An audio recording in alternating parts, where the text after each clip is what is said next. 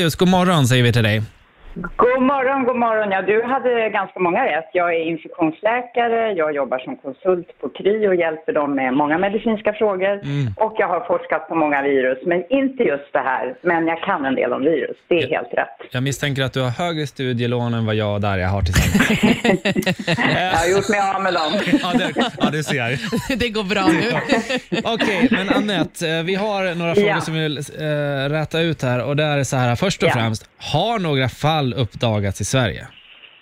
Nej, inte ännu. Man har ju kollat eh, ett tiotal eh, människor som kan ha varit smittade, men eh, de har inte varit det. Så än så länge har vi inga smittade i Sverige. Nej. Bra, då säger vi check på Check den. för så här den, då långt. Check på den. Ja, Precis. Härligt. Eh, vad tror du, alltså, hur stor är risken att det här skulle ske då i Sverige?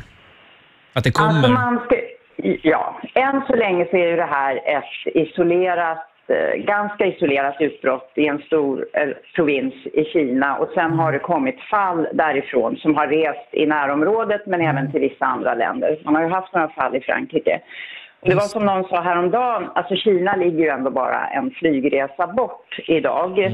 Så att hade vi pratat för 50 år sedan så hade jag nog kanske sagt att det här är ganska osannolikt just nu. Men man ska komma ihåg att vi reser och det är därför som alla myndigheter och alla infektionskliniker och så sätter sig i en högre beredskap. Vi vill ju vara beredda och i så fall isolera smittan på ett bra sätt när den kommer hit och vi har jättebra rutiner för det skulle jag säga. Så är det så här, om, om jag skulle sitta på ett, eller om jag skulle varit i Kina nu och sätta mig på ett plan och flyga till Arlanda, skulle jag få vandra ut hur som helst då? Eller hur Ja, det tror jag. Det tror jag nog. Det finns eh, inte vad jag har hört att man har gjort någonting sånt alls i Sverige ännu. Att man har börjat eh, mäta temperaturen eller har typ rymddräkt på sig när man möter dig eller så. Inte alls. Utan man har bara en beredskap. Och det handlar väldigt mycket om, har du varit i den här regionen under de senaste två veckorna? För det handlar om det man kallar för inkubationstid. Är du inte sjuk på något sätt och, och framförallt om du inte har varit i den här regionen eller umgås med någon som sen har visat sig vara smittad, oturligt nog, då är det ingen fara.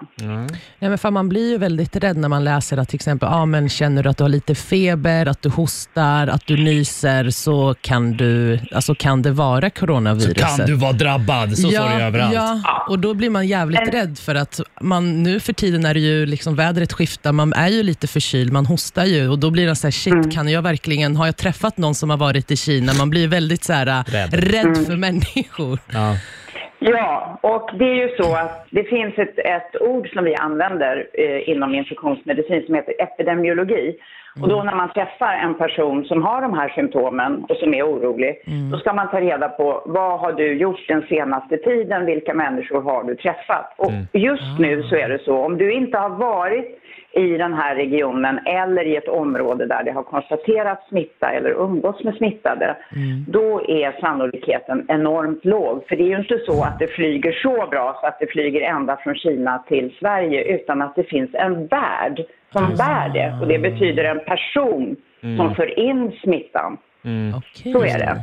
Ah, jag blir lite Du, lugnare vi, ska bli, vi ska ta och runda av här, men det är ju på, bland alla alla, alla, som, alla som på Facebook har, har gått livets hårda skola, eh, så, så, så, står det, så sprids en massa rykten nu kring att det skulle vara kinesiska djurmarknader. Alltså att det är djur, eh, Hundar. hundar, hästar. Alltså det, Ligger det någon sanning i det här? Eller? Ja, det ligger en, en sanning i att de här eh, coronaviruset är en stor familj och den finns, har många kusiner och syskon och så. Några av dem finns också hos djur och i de andra lite större utbrotten som vi har haft eh, efter millennieskiftet, eh, de som hette sars och mers, så visade det sig att det var en djursmitta och, och de här virusen kan förändra sig och sen gå in i människan och då har människan inte sett det här viruset och då reagerar man på ett annat sätt.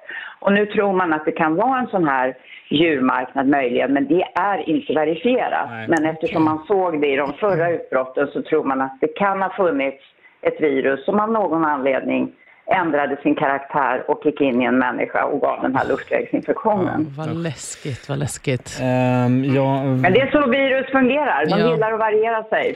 Ja, Även influensavirus. Ja. Verkligen. Ja, detta säger alltså Annie, Anette Aleus, eh, virusforskare och infektionskonsult på Kry. Tack så hemskt mycket Anette för att du ville vara med.